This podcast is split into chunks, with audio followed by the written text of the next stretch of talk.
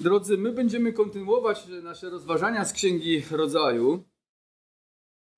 Będziemy kontynuować. E, mamy kilka kazań teraz e, w oparciu o 19 rozdział dalej. No i rozmawiamy też o życiu Lota. Życiu Lota.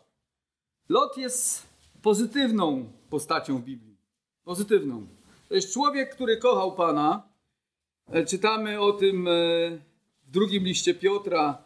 Natomiast wyrwał sprawiedliwego Lota, Bóg oczywiście, z Sodomy, udręczonego przez rozpustne postępowanie bezbożników, gdy sprawiedliwy ten, mieszkając między nimi, widział bezbożne ich uczynki, słyszał o nich i trapił się tym dzień w dzień w prawej duszy swojej. Ale Lot popełnił wiele błędów w swoim życiu. Jako wierzący człowiek, jako człowiek oddany Panu, i mówiliśmy o tym ostatnio, że został zbawiony, jest zbawiony, ale zbawiony jakby przez ogień, jakby z trudnością. I te błędy, te grzechy, które popełnił, miały swoje konsekwencje. I chciałbym dzisiaj dalej o tym mówić, dzisiaj trochę więcej o jego rodzinie, o tym, jak życie Lota, takie niezbyt blisko Pana, a jednak z Panem, wpłynęło też na jego rodzinę. I dzisiaj chciałbym mówić trochę o przegranym rodzicielstwie Lota.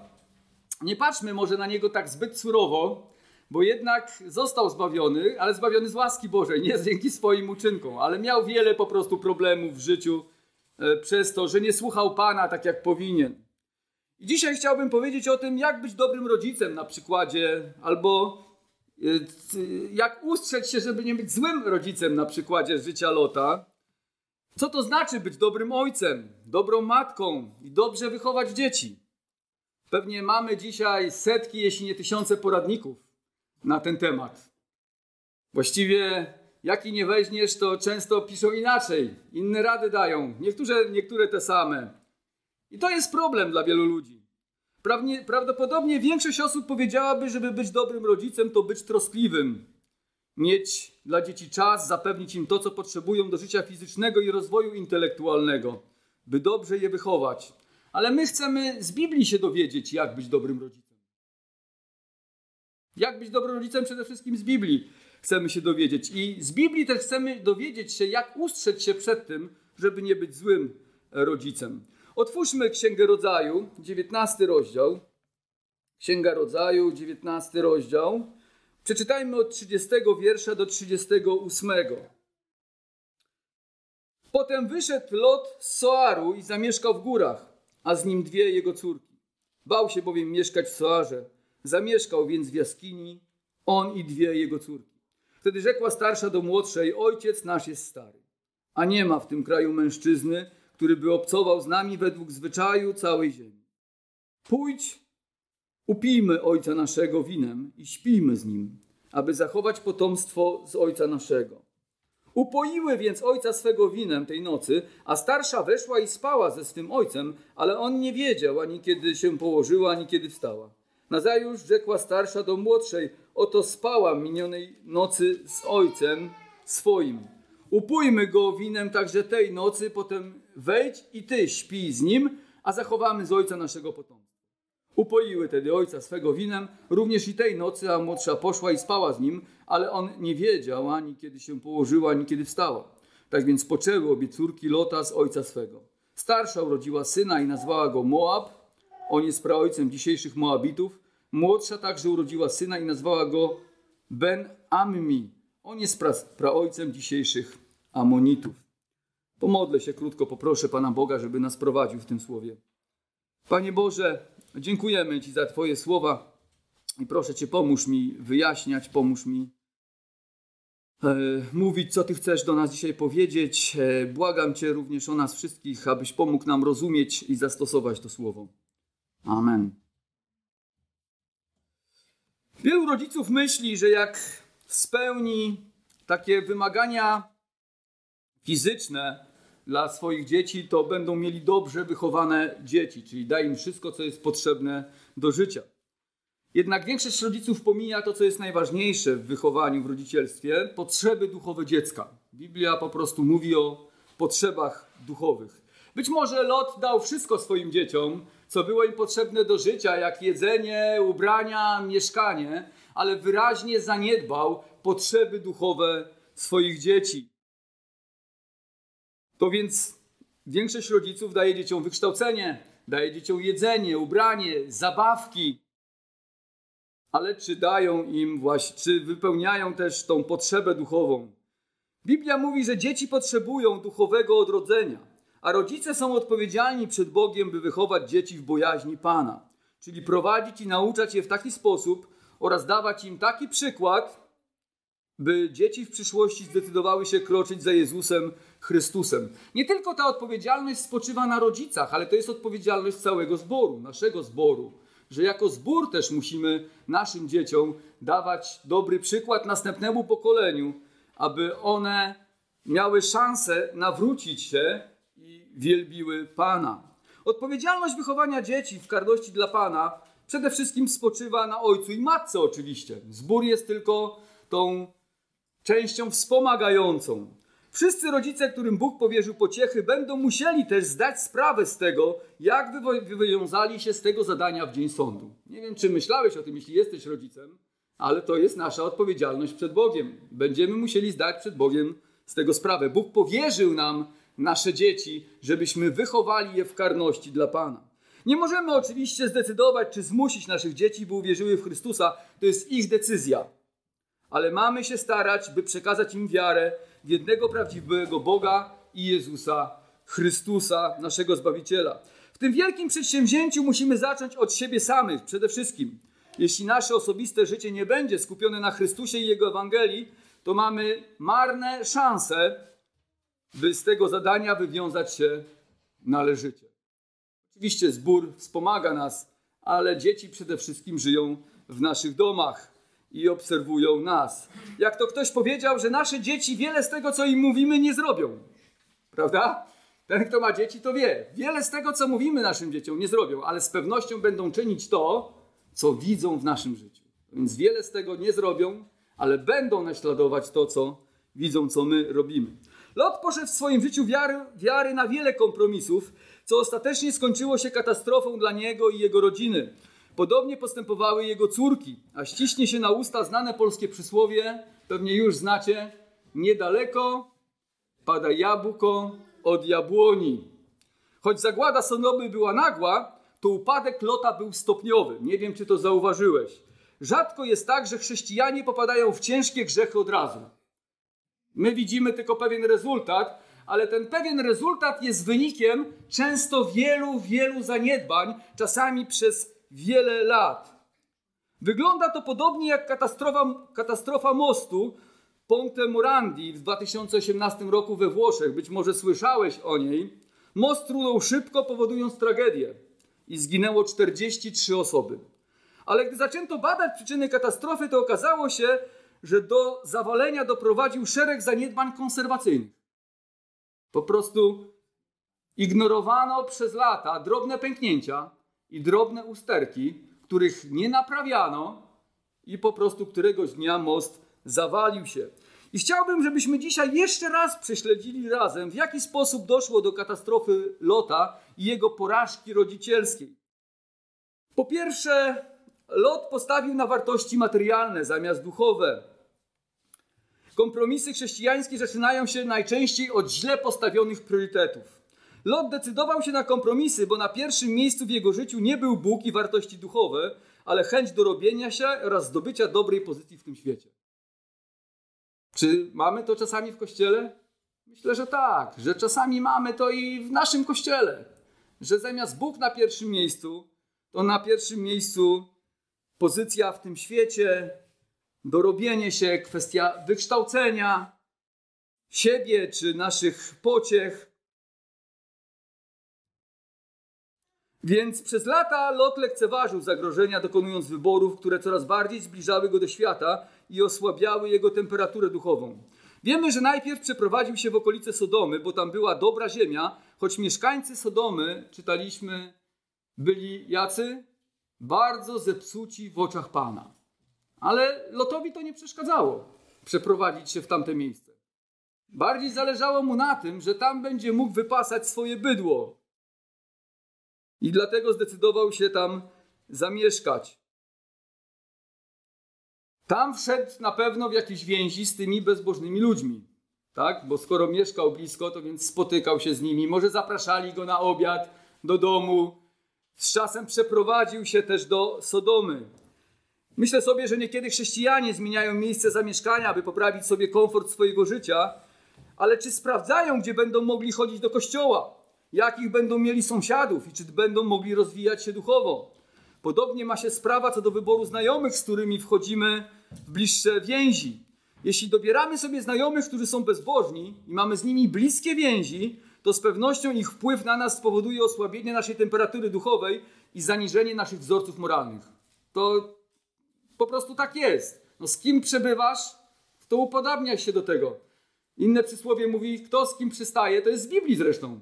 Tak? Księga Kaznodziei Salomona mówi, że kto z kim przystaje, takim się staje.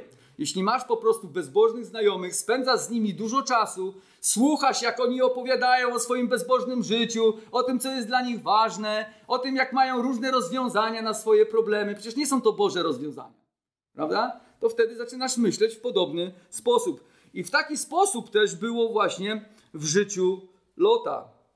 Biblia wielokrotnie nas przestrzega, by stronić od towarzystwa osób, które żyją z dala od bojaźni Bożej. Przypowieści Salomona 13:20 mówią, kto obcuje z mędrcami mędrzeje, lecz kto się brata z głupcami, temu źle się wiedzie. Podobnie psalm pierwszy. Szczęśliwy mąż, który nie idzie za radą bezbożnych, ani nie stoi na drodze grzeszników, ani nie zasiada w gronie szyderców. Nie chodzi, że mamy w ogóle nie spotykać się z niewierzącymi w kwestiach biznesowych, nie wiem, w kwestiach y, dotyczących naszej pracy, życia zawodowego, tylko chodzi o relacje przyjacielskie, bliskie więzi, takie jak mamy właśnie często z rodziną, tak? bo nie jesteśmy w stanie wyjść z tego świata, musimy załatwić tego, y, sprawy tego świata. Ale jeśli chodzi o to, jak dobieramy sobie grono przyjaciół, to możemy o tym decydować. Lot również zlekceważył ostrzeżenia Pana, które Bóg mu dawał. W wyniku wojny, jaką prowadziła Sodoma z czterema królami ze wschodu, został wzięty do niewoli. Niewiele brakowało, by stracił życie, ale odbił go Abraham, ratując mu skórę i cały jego dobytek. Pomimo takiego ostrzeżenia, Lot wrócił do Sodomy, żyjąc tam dalej w pogoni za rzeczami materialnymi. Już mógł pomyśleć, że nie jest tu bezpiecznie.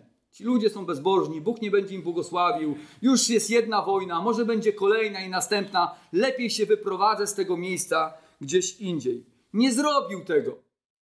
Bóg mu dał ostrzeżenie. Nie zrobił tego. Doszedł do wysokiej pozycji społecznej w tym mieście kosztem wielu kompromisów. Nie był zbyt aktywnym wierzącym, by zostać zaakceptowanym przez sodomitów i pozwolił na to, by otaczająca go grzeszna kultura osłabiła jego wartości moralne. Co widzimy po tym, gdy jest gotowy oddać swoje córki na gwałt, by chronić swoich gości. Później ociąga się z wyjściem z miasta zagłady, będąc bardzo, bardzo przywiązanym do dobytku, który tam zgromadził, a może i do ludzi, którzy tam mieszkali. Aniołowie wyciągają Lota z rodziną niemalże na siłę, ciągnąc go za ręce. Ale traci żonę, która bardziej sobie ceniła Sodomę niż ratunek Pana. Pomimo ostrzeżeń i wskazania przez Boga bezpiecznego miejsca, Lot woli iść do Soaru. Czytaliśmy ostatnio, prawda? Innego grzesznego miasteczka, które miało być zniszczone z Sodomą. Bóg powiedział mu iść w góry, on chciał iść koniecznie y, do Soaru.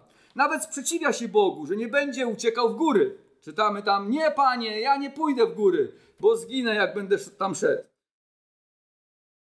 W 30 wierszu widzimy, potem wyszedł z Soaru i zamieszkał w górach, a z nim dwie jego córki, bał się bowiem mieszkać w Soarze.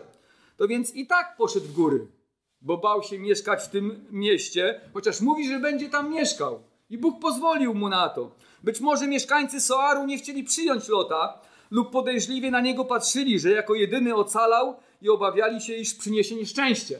Może zastanawiali się, jak to możliwe, że wszyscy zginęli, a on jako jedyny ocalał z tej katastrofy. Albo byli tak zepsuci, jak sodomici i Lot się bał o swoje życie. I zwyczaje, które tam panują, po prostu mogłyby też powodować dodatkowy, dodatkowe problemy. Lądując w górach, pozwala się upić swoim córkom, które współżyją z nim, by mieć potomstwo. I tak kończy się historia tego człowieka. Zobaczcie, że tu nie ma happy endu jakby takiego, prawda? Kończy się bardzo smutno. Po prostu on się upija, córki współżyją, powstają dwa narody, które są odwiecznymi wrogami Izraela. Historia człowieka jest to, który z jednej strony chce służyć Panu, a z drugiej mieć trochę świata, żyjąc w ciągłym rozdwojeniu. Widzimy, że do upadku Lota prowadzi szereg złych decyzji, które coraz bardziej oddalają go od Pana. Zamiast szukać Boga całym sercem, jak Abraham, będąc posłuszny, Lot szuka dobrobytu materialnego i wygody kosztem wartości moralnych. Zamiast wybierać wolę Boga, to jest gotowy zaakceptować niemoralności seksualne, alkohol. Ma odwagę sprzeciwiać się Panu, co powoli, ale skutecznie prowadzi do jego katastrofy. No i w końcu następuje jakby zawalenie tego mostu. Możemy powiedzieć, że Lot idzie przez życie z prądem świata, przekazując swoje też wartości dzieciom. Jest to smutny obraz części chrześcijan, którzy nie dbają o społeczność z Panem w taki sposób, jak powinni. Tam, gdzie jest im wygodnie, starają się być posłuszni Bogu, ale gdy posłuszeństwo wymaga od nich zbyt dużego wysiłku lub rezygnacji z jakiejś wygody czy grzesznego stylu życia, który lubią, to rezygnują z bycia posłusznym Panu. Ciekawe, czy gdyby, nie wiem, była jakaś burza magnetyczna, samochody by przestały jeździć, chodzić, czy ludzie by przychodzili do zboru? Prawda? Gdyby wydarzyło się coś takiego. Wiem, że jest taka broń, mają taką broń, prawda, która mogłaby pozbawić możliwości odpalenia każdego samochodu. I gdyby coś takiego się wydarzyło, gdybyś nie mógł po prostu zapalić samochodu raz, drugi, piąty, dziesiąty, czy kiedykolwiek ujrzelibyśmy jeszcze ciebie z Bożem? No, to trzeba się czasami zastanowić, prawda? Na ile gotowi bylibyśmy poświęcić, żeby szukać Pana w naszym życiu? E, Zlot zamiast wybierać wolę Boga, to wiemy, że wielokrotnie decyduje się na kompromisy. Więc jak jest okazja, czemu się nie upić? Raz, dwa razy do roku. A przecież jest impreza, prawda? Przecież należy mi się, można się rozluźnić, przecież ciężko pracuję. Czemu się nie upić? Przecież wszyscy tak robią. A tak w ogóle to przecież jest mi bardzo ciężko. Muszę mieć trochę rozluźnienia w moim życiu. Czemu nie oglądać trochę pornografii? Obejrzeć jakiś niemoralny film w telewizji przesycony scenami seksu? Czemu nie pracować więcej i mieć więcej pieniędzy kosztem opuszczania wspólnych zebrań i społeczności? Po co wspierać służbę Bożą? Czy moje pieniądze nie są moje? Dlaczego miałbym z nimi dzielić się z Bogiem? I wiele, wiele jeszcze innych podobnych kompromisów, które regularnie ściągają wielu chrześcijan w dół i osłabiają naszą społeczność z Panem, nieuchronnie prowadząc do katastrofy. To są czasami drobne rzeczy, ale te drobne rzeczy składają się w jedną całość. I po jakimś czasie, po pięciu, dziesięciu, dwudziestu latach, widzimy zawalone życie chrześcijanina. W życiu Lota wypełnia się Boża zasada siewu i zbiorów przedstawiona nam w liście do Galacjan. Galacjan 6:7 Nie błądźcie, Bóg się nie da z siebie naśmiewać, ale bowiem co człowiek sieje, to i rządź będzie. Ale ta zasada jest tak, że jak zasiejesz, to nie od razu zbierzesz. Prawda? W życiu rolniczym to jest kilka miesięcy, ale w życiu, naszym życiu prywatnym to może być kilka albo nawet kilkadziesiąt lat. Prawda? Zasiejesz, zbierzesz po wielu latach. Pamiętajmy, że duże upadki zaczynają się od małych kompromisów. Most Ponte Morandi we Włoszech zawalił się, bo nie był regularnie konserwowany i naprawiany. Jeśli będziemy regularnie pozwalali sobie na kompromisy w naszym chrześcijańskim życiu, to granica będzie się przesuwać, a nasza społeczność z Panem ciągle osłabiać. Gdy przyjdzie do naszego życia poważny kryzys, a nie zbudowaliśmy dobrego fundamentu relacji z Bogiem, to wszystko może się zawalić. Po prostu tak może być. I później widzimy takiego brata, jednego, drugiego, pastora. No jak to możliwe? Przecież to, to taki gorliwy człowiek był. Takie kazania mówił. Tu widzimy, że wszystko się rozwaliło.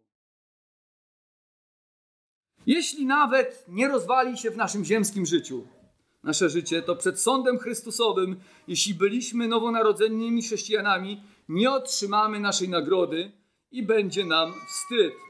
Druga rzecz, czy wyciągamy lekcje z naszych upadków? Czy wyciągamy lekcje z naszych upadków? Po tym jak Lot wszystko stracił i nie chciał uciekać w góry, skazany przez Boga poszedł do Soaru. Wiemy o tym, e, czytaliśmy wcześniej. Tak?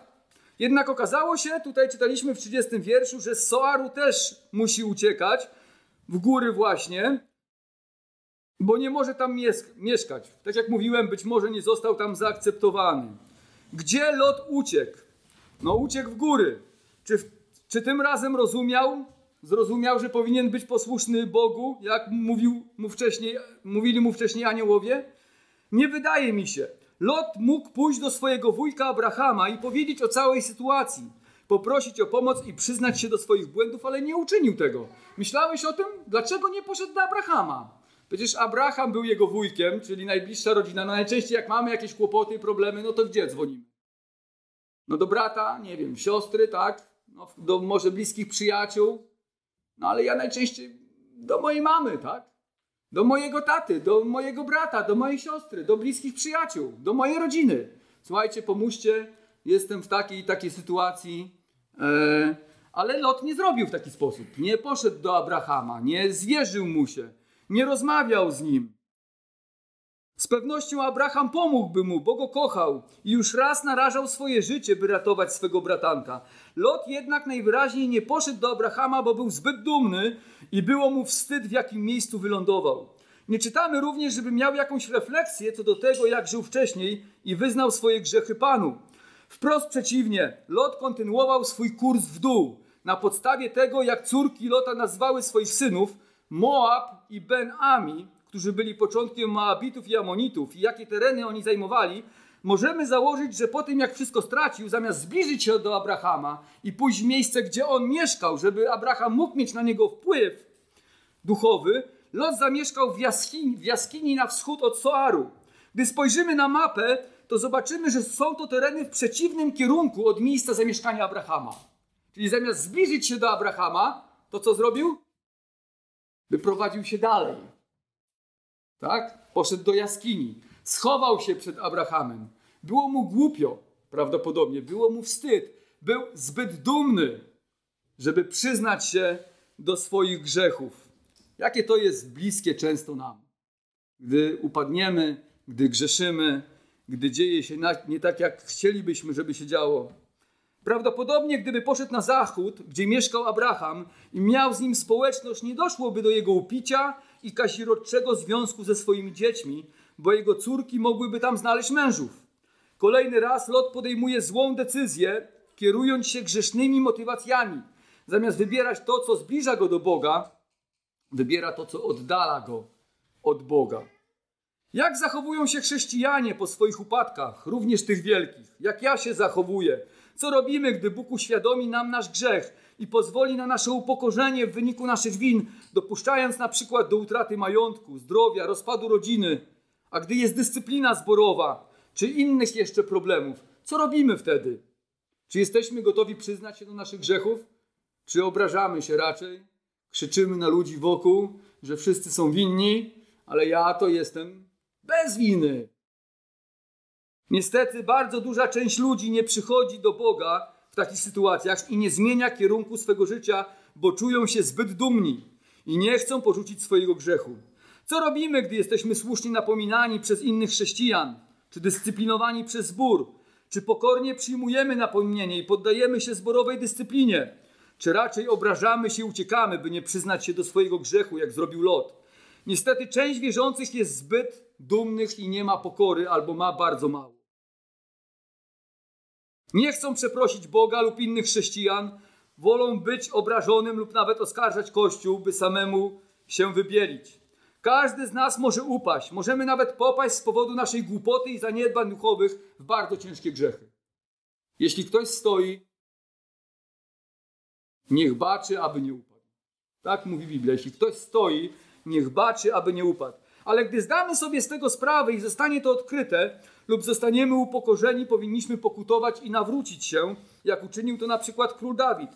On również przez swoją nieuwagę i głupotę i zaniedbania uczynił bardzo złe rzeczy w oczach Pana. Najpierw zmusił do współżycia kobietę, która była żoną innego, a później, gdy ona zaszła w ciąży, żeby to ukryć, podstępem zamordował jej męża. Co by, wyobrażacie sobie coś takiego? Takie ciężkie grzechy w życiu wierzącego człowieka. Dawid miał nadzieję, że wszystko ujdzie mu płazem, o czym możemy przeczytać w drugiej księdze Samuela, 11 i 12 rozdział. Jednak gdy przyszedł do niego posłany przez Boga prorok Natan, nie uświadomił, jak obrzydliwy grzech uczynił w oczach Boga, to choć był królem, przyznał się do swojej winy i pokutował. Czytamy na kartach Biblii, że wielu proroków przyszło do królów, ale wielu królów postąpiło zupełnie inaczej. Często chcieli zabić tych proroków, prawda? Dawid się ukorzył, Dawid pokutował, Dawid przepraszał Boga za swój grzech. Powiedział: Zgrzeszyłem wobec Pana. A później w Psalmie 32 napisał: Grzech mój wyznałem Tobie i winy mojej nie ukryłem. Rzekłem: Wyznam występki moje Panu, wtedy Ty odpuściłeś winę grzechu mego. Czy Lot tak zrobił? Czy wyznał grzechy swoje Panu? Czy przyznał się do swojej porażki? Nie. Nie czytamy nic takiego. Kiedy nie wyznajemy grzechów swoich Panu, a co gorsza, buntujemy się i nie chcemy pokutować, to nie mamy pokoju i jesteśmy nękani ciągłymi wyrzutami sumienia. Gdziekolwiek byśmy się nie przenieśli, nawet jeśli to będzie jaskinia daleko i ciemna i nikt nas nie będzie widział, nie będziemy czuć się tam bezpiecznie. Po prostu, jeśli nie masz pokoju z Bogiem i z ludźmi, nie będziesz czuł się tam bezpiecznie. Gdyby Lot przeprowadził się w kierunku Abrahama, musiałby przyznać się do swojej winy, ale zostałby oczyszczony i nie musiałby chować się po jaskiniach. Brak chęci pokuty ze strony Lota doprowadziło do jeszcze gorszych grzechów w jego życiu i w życiu jego rodziny. Tak zhańbiony znika skarb Biblii. Niekiedy chrześcijanie, którzy odchodzą od zboru, mają ciągłe wyrzuty sumienia, nie chcą na przykład spotkać nikogo wierzącego, chowają się, by nie został przypomniany ich grzech. Czasami przechodzą na drugą stronę ulicy albo odwracają się, gdy spotkają kogoś z wierzących. Po prostu nie chcą rozmawiać, jest im wstyd. Ale gdy zgrzeszymy, to tylko w wyniku szczerej pokuty przychodzi oczyszczenie i możemy chodzić z podniesioną głową. Pamiętam historię pewnej dziewczyny w pewnym zborze. Dziewczyna ta wdała się w związek niemoralny z pewnym chłopakiem i z tego narodziło się dziecko. I gdy to zostało odkryte, dziewczyna ta przyszła przed zbór, przyznała się do tego grzechu i pokutowała. I za kilka miesięcy Bóg dał jej wspaniałego męża. I pobrali się i są małżeństwem i mają dzieci. Pewnie inaczej potoczyłaby się jej historia, gdyby się zbuntowała i obraziła się. Także Bóg jest dobry dla tych, którzy pokutują ze swoich grzechów, oczyszcza ich i odnawia ich. Drodzy, następna rzecz to jest porażka rodzicielska Lota. Jednym z bardziej dotkliwych konsekwencji życia Lota była jego porażka rodzicielska. Lot, decydując się na kompromisy ze światem, tego samego nauczył własne dzieci. Być może mówił im, że powinny szukać Boga i przestrzegać Jego przykazań, ale o wiele mocniej przemawia do naszych dzieci to, co czynimy, niż to, co mówimy. Gdy Lot zamieszkał w górskich jaskiniach z dala od ludzi, jego córki wpadły na haniebny pomysł, by upić swego ojca, a później współżyć z nim, by mieć z nim dzieci w obawie, że nie znajdą mężów. Zobaczmy 31 wiersz. Wtedy rzekła starsza do młodszej: Ojciec nasz jest stary, a nie ma w tym kraju mężczyzny, który by obcował z nami według zwyczaju całej ziemi. Zresztą ciekawe, zastanawiam się, mówią, nie ma w tym kraju mężczyzny. Wydaje mi się, że nie trudno by było im znaleźć lepszych gości niż w Sodomie. A jednak stwierdziły, że nie ma mężczyzny. Prawda? Już samo to, że widziały, iż ojca, wiedziały, iż ojca można upić. Wyobrażasz sobie, gdyby twoje dzieci przyniosły do ciebie alkohol i chciały cię upić. Czy udałoby im się to? A tam się udało. Można było ojca upić. Prawda? To źle świadczy o locie. Gdyby lot nie pił alkoholu lub miał surowe zasady co do jego spożywania, że pewne normy nie mogą być przekroczone, nigdy do czegoś takiego by nie doszło ale najwidoczniej pozwalał sobie na swobodę w tym zakresie, więc upicie go było możliwe i to aż dwukrotnie. Prawdopodobnie miał też alkohol w swoim domu. Prawda? Bo skądś ten alkohol musiały wziąć. Podejrzewam, że nie było to po raz pierwszy i ostatni. Wiedziały, że ojciec lubi sobie czasami chlapnąć, jak to się mówi tak pospolicie. Zwróćmy uwagę, do jakiego stanu upojenia się doprowadził, skoro nie pamiętał, co działo się poprzedniego dnia. 33 wiersz. Upoiły więc ojca swego winem tej nocy, a starsza wesz, weszła i spała ze swym ojcem, ale on nie wiedział ani kiedy się położyła, ani kiedy wstała. Jak musiał być strasznie pijany? Nie wiedział, kiedy się położyła i nie wiedział, kiedy wstała. Podobnie czytamy o drugiej córce. Za drugim sytu razem sytuacja się powtórzyła. Nie wiedział, co się stało. W domach, gdzie jest przyzwolenie na alkohol, który służy jako środek do rozrywki lub rozluźnienia się, o wiele częściej dochodzi do różnych patologii, bo alkohol osłabia nasze zasady moralne i stępia nasze zmysły. Statystyki podają, że w ponad 80 przypadkach, w 80% przestępstw sprawcy są pod wpływem alkoholu. Wyobrażę, jakby nie było alkoholu, 80% przestępstw by nie było. Jeśli chodzi o ciężkie przestępstwa, to jest to 90% przestępstw. Niejednokrotnie, e, gdy chodziłem do więzienia i spotykałem tam osoby, które trafiły do zakładu karnego, bo dopuściły się przekroczenia prawa, często było to pod wpływem alkoholu. Żałowały, ale nie można cofnąć czasu. Niejednokrotnie też nie pamiętały na drugi dzień, jak do tego doszło. Jak doszło do pobicia kolegi, koleżanki, znajomego? Jak doszło do gwałtu? Jak doszło do kradzieży? A nawet spotkałem człowieka, że nie pamiętał, że kogoś zamordował poprzedniego dnia pod wpływem alkoholu. Dowiedział się, gdy przyjechała do niego policja i zabrała go w kajdanki. Dzieci Lota wyrastały w poczuciu przyzwolenia na alkohol, bo widziały to u swego taty.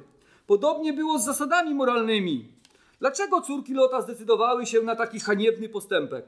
Najwidoczniej w domu Lota nigdy nie było jasno postawionych granic w kwestii seksualności, że pewne rzeczy są obrzydliwe dla Boga i niedopuszczalne. Może były jakieś sprośne żarty w tym zakresie, milczenie wobec niemoralnych zachowań sąsiadów odebrane jako akceptacja, jeśli rodzice nie uczą w domu dzieci wyraźnych zasad moralnych, które podobają i nie podobają się Bogu, nie powinni się dziwić, że później ich dzieci są zepsute. Zobaczmy, że działania córek Lota to nie przypadek. One razem wpadają na ten pomysł. Właściwie starsza jest inicjatorką tego. Prawda? Starsza poddała ten pomysł, ale ta młodsza zaakceptowała. Wpadają na ten pomysł. To jest zaplanowane. Czynią to raz, a później czynią to drugi raz, usprawiedliwiając swój grzech niemożnością znalezienia męża. Zobaczmy, 31 wiersz. Wtedy rzekła starsza do młodszej: Ojciec nasz jest stary, a nie ma w tym kraju mężczyzny. Często tak jest, że grzech musi być usprawiedliwiony. Prawda? Zło musi być w jakiś sposób usprawiedliwione. I nadają swojemu grzechowi szlachetne motywacje. A co, są tym, co jest tym, tą szlachetną motywacją? Chcemy zachować linię rodową. Chcemy, żeby nasza rodzina się rozwijała. Więc nie tylko usprawiedliwiają, ale też mówią, że to nie jest nic złego, bo przecież mamy dobre motywacje. A tak a propos w kwestii szukania męża, jakże wie, czy żony, jakże wiele przyszłych żon i mężów chrześcijańskich usprawiedliwia się właśnie w taki sposób jak córki Lota, wybierając niewierzącą osobę na współmałżonka. Najczęściej usprawiedliwiają się tym, że nie ma wśród wierzących odpowiedniej osoby. Prawda? No ale ja nie mogę spotkać wśród wierzących odpowiedniej osoby. A później dodają, że przyprowadzę taką osobę do Pana. Zobaczcie, dokładnie to, co robią córki Lota. E, nie? Nie ma, a później jakieś duchowe, e, e, duchowe motywacje, niby dobre. Ciężko było córkom Lota zaufać Bogu w kwestii współmałżonka, bo i tutaj ich ojciec nie dał im dobrych wzorców, idąc na kompromisy w swoim chodzeniu z Bogiem. Tylko w naszym tekście dwa razy daje przykład swoim dzieciom, gdy chce je wydać na gwałt za ocalenie gości i nie chce iść do miejsca schronienia wskazanego przez Boga. Czyli w takim krótkim tekście już mają dwa przykłady, że Lot nie chce być posłuszny Bogu. Już dwa. A ile przez całe życie? 20 lat, nie wiem jak długo, może 30 lat mieszkały, tak? Z Lotem. Ile widziały takich przykładów? Ile widzą nasze dzieci takich przykładów? Kiedy ojciec i matka nie chcą być posłuszni Bogu i wybierają swoje rozwiązania. Ciekawe, czy córki Lota widziały kiedykolwiek tatę modlącego się. Myślałem o tym. Ciekawe, czy kiedykolwiek widziały, że tata się modli. Albo czyta Biblię. No nie było Biblii, prawda? Ale modli się. Tak? Szuka rady Pana. Dzisiaj byśmy powiedzieli, czyta Biblię, modli się, szuka Pana. Ciekawe, czy kiedykolwiek słyszały, jak Lot ze swoją żoną rozmawiał o łasce Bożej i o dobroci Pana. Nie wiem jak w waszych domach, ale my w moim domu czasami o tym rozmawiamy przy stole. Podczas obiadu i podczas różnych zajęć. Więc wydaje mi się, że niewiele tego widziały. Więc zamiast wiary i oddania trudności Bogu były nauczone szukania własnych rozwiązań kosztem posłuszeństwa Panu. Gdy myślą o swojej przyszłości, ani razu córki Lota nie wspominają o Bogu i nawet na, przez myśl nie przejdzie, że mogłyby modlić się do Pana w sprawie męża i szukać u Niego rozwiązania. Jeśli rodzice chcą przyciągnąć dzieci do Boga i nauczyć ich wiary, sami muszą dawać przykład, że sprawy naszego Pana Jezusa Chrystusa są dla nich priorytetem, a Królestwo Boże jest na pierwszym miejscu. Gdy dzieci widzą swoich rodziców, gdy kosztem posłuszeństwa Bogu wybierają sprawy tego świata, to jaki dają im sygnał? Czego wtedy rodzice uczą swoje dzieci? Uczą tego, że Bóg nie jest dla nich ważny i wiara nie jest w Niego e, taka, jaka, na takim poziomie, jak, jak powinna być. Po prostu uczą hipokryzji. Uczą też, że wiara jest w porządku, pod warunkiem, że nie koliduje z moimi interesami. Prawda? Też tego uczymy wtedy nasze dzieci. Gdy rodzice chrześcijańscy rzadko chodzą do zboru albo wybierają rozrywkę zamiast Bożych spraw, nie modlą się, nie rozmawiają w domu o wierze, nie czytają Biblii i bardziej ich życie przypomina życie świata niż chrześcijan, to niestety nauczą swoje dzieci tego samego. I raczej są nikłe szanse, że przyciągną swoje latorośle do Pana. Jakiś czas temu miałem rozmowę duszpasterską z jednym bratem w Chrystusie, który przez kilkanaście lat całe dorastanie swoich dzieci spędził w pracy za granicą. Wprawdzie przyjeżdżał na miesiąc, dwa, ale po 4-5 miesięcy był w pracy. Obecnie ma okropny problem ze swoim synem, który ma problem z kolei z narkotykami. Dzieci dorosły i żadne z nich nie szuka Pana, chociaż on był wierzący i był członkiem zboru. Niektóre dzieci jego uwikłały się w poważne grzechy moralne. Brat ten był świadomy, że jego decyzje przyczyniły się do zepsucia jego własnych dzieci, ale niestety nie mógł cofnąć czasu. Jak urodziły się moje dzieci, myślałem sobie, że mam dużo czasu na wychowanie. Ale później zobaczyłem, jak szybko ten czas mija. Rok za rokiem, miesiąc za miesiącem. I ani się obejrzysz. Dzieci mają 5, 10, 15, 20 lat i są dorosłe. Jeśli nie wykorzystamy tego krótkiego czasu, który Bóg nam dał, ciężko później zmienić sytuację.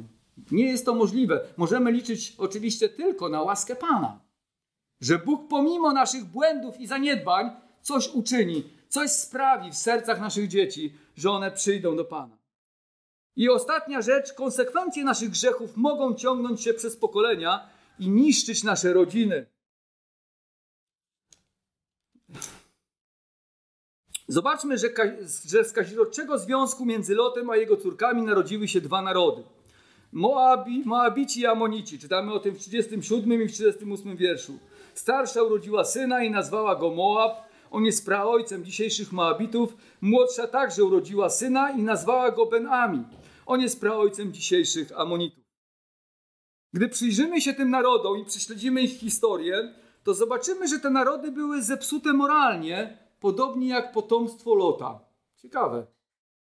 Król Moabu zatrudnił wróżbitę Balama, który wciągnął Izraela w grzech, by Izrael mógł być przeklęty przez Boga. Wiemy, że chodziło o współżycie z Moabitkami, prawda? Więc zapraszali ich na fałszywe kulty, no i wtedy wciągali Izraelitów w grzechy, żeby Bóg przeklął Izraela i nie błogosławił tego narodu. Amonici natomiast oddawali swoje dzieci na spalenie dla fałszywego bóstwa Molocha, przekazując tą obrzydliwą praktykę Izraelowi. Powinniśmy być świadomi, że konsekwencje naszych grzechów mogą niszczyć nasze rodziny przez całe pokolenia. Jeśli nie zostanie to przerwane przez łaskę naszego Pana i nawrócenie, może być tak, że kolejne pokolenia przejmują po tobie pewne zwyczaje i grzeszne zachowania i nadal je kontynuują. Podam taki przykład, na, na, podam przykład alkoholizmu. Jeśli ojciec jest alkoholikiem, to często tak jest w rodzinach, że i dzieci są alkoholikami, a później ich dzieci i dzieci ich dzieci po prostu widzą pewien wzór. Prawda? Przekazane złe wzorce przez Lota swoim córkom zostały powielone, w kolejnych pokoleniach ściągając na nie Boży gniew. Możemy dać swoim dzieciom dobre świadectwo i solidne fundamenty wiary na następne pokolenia, jeśli się nawrócą. Ale nawet jeśli się nie nawrócą, to wpoimy w nie pewne zasady, którymi po prostu będą żyć. I w wielu kwestiach będzie im łatwiej w życiu. Prawda? Jeśli ktoś nauczył się nie kraść i żyć uczciwie i pracować, to będzie mu łatwiej niż temu, co kradnie i później trafi do więzienia. Ale my możemy dać swoim dzieciom o wiele więcej. Możemy przekazać im dobre wzorce i wiarę, którą mamy w naszych sercach. Ale możemy również przekazać im złe wzorce, przez które stale będą miały problemy, które będą niszczyć nie tylko ich, ale nawet kolejne pokolenia, jeśli się nie nawrócą. Tak więc podsumowując, po pierwsze, duże upadki zaczynają się od małych kompromisów i powoli, ale skutecznie ściągają nas w dół. Jedne kompromisy duchowe prowadzą do kolejnych i tak przychodzi katastrofa, jak w życiu Lota. Lot postawił na dobra materialne i często ignorował Boże Słowo w imię własnej wygody. Jeśli w pole nie przerwiemy takiego życia, nie upamiętamy się, to ostatecznie możemy wylądować jak Lot. Po drugie, czy wyciągamy lekcje z naszych upadków? Pomimo złych wyborów, Lot, brnął dalej w swojej grzeszności, doprowadzając do jeszcze gorszej sytuacji. Jeśli my postępujemy podobnie, to mniejsze grzechy będą często prowadzić do większych i nasz stan duchowy będzie się pogarszał. Po trzecie, grzechy córek Lota były konsekwencją złych wzorców rodziców. Jeśli chcemy, by nasze dzieci przyciąg- jeśli chcemy nasze dzieci przyciągnąć do Pana, to przede wszystkim sami musimy dawać im dobry przykład. Pamiętajmy, że nasze dzieci mogą wiele nie pamiętać z tego, co im mówimy, ale z pewnością będą czynić to, co my robimy. Po czwarte, konsekwencje naszych grzechów mogą się ciągnąć nawet przez całe pokolenia. Złe wzorce przekazane przez Lota swoim dzieciom zostały przekazane kolejnym jego potomstwu, a one przekazały to kolejnym pokoleniom, pozbawiając ich przychylności Boga i ściągając na nich Boży sąd. Niech nas Bóg od tego wszystkiego uchroni. Amen.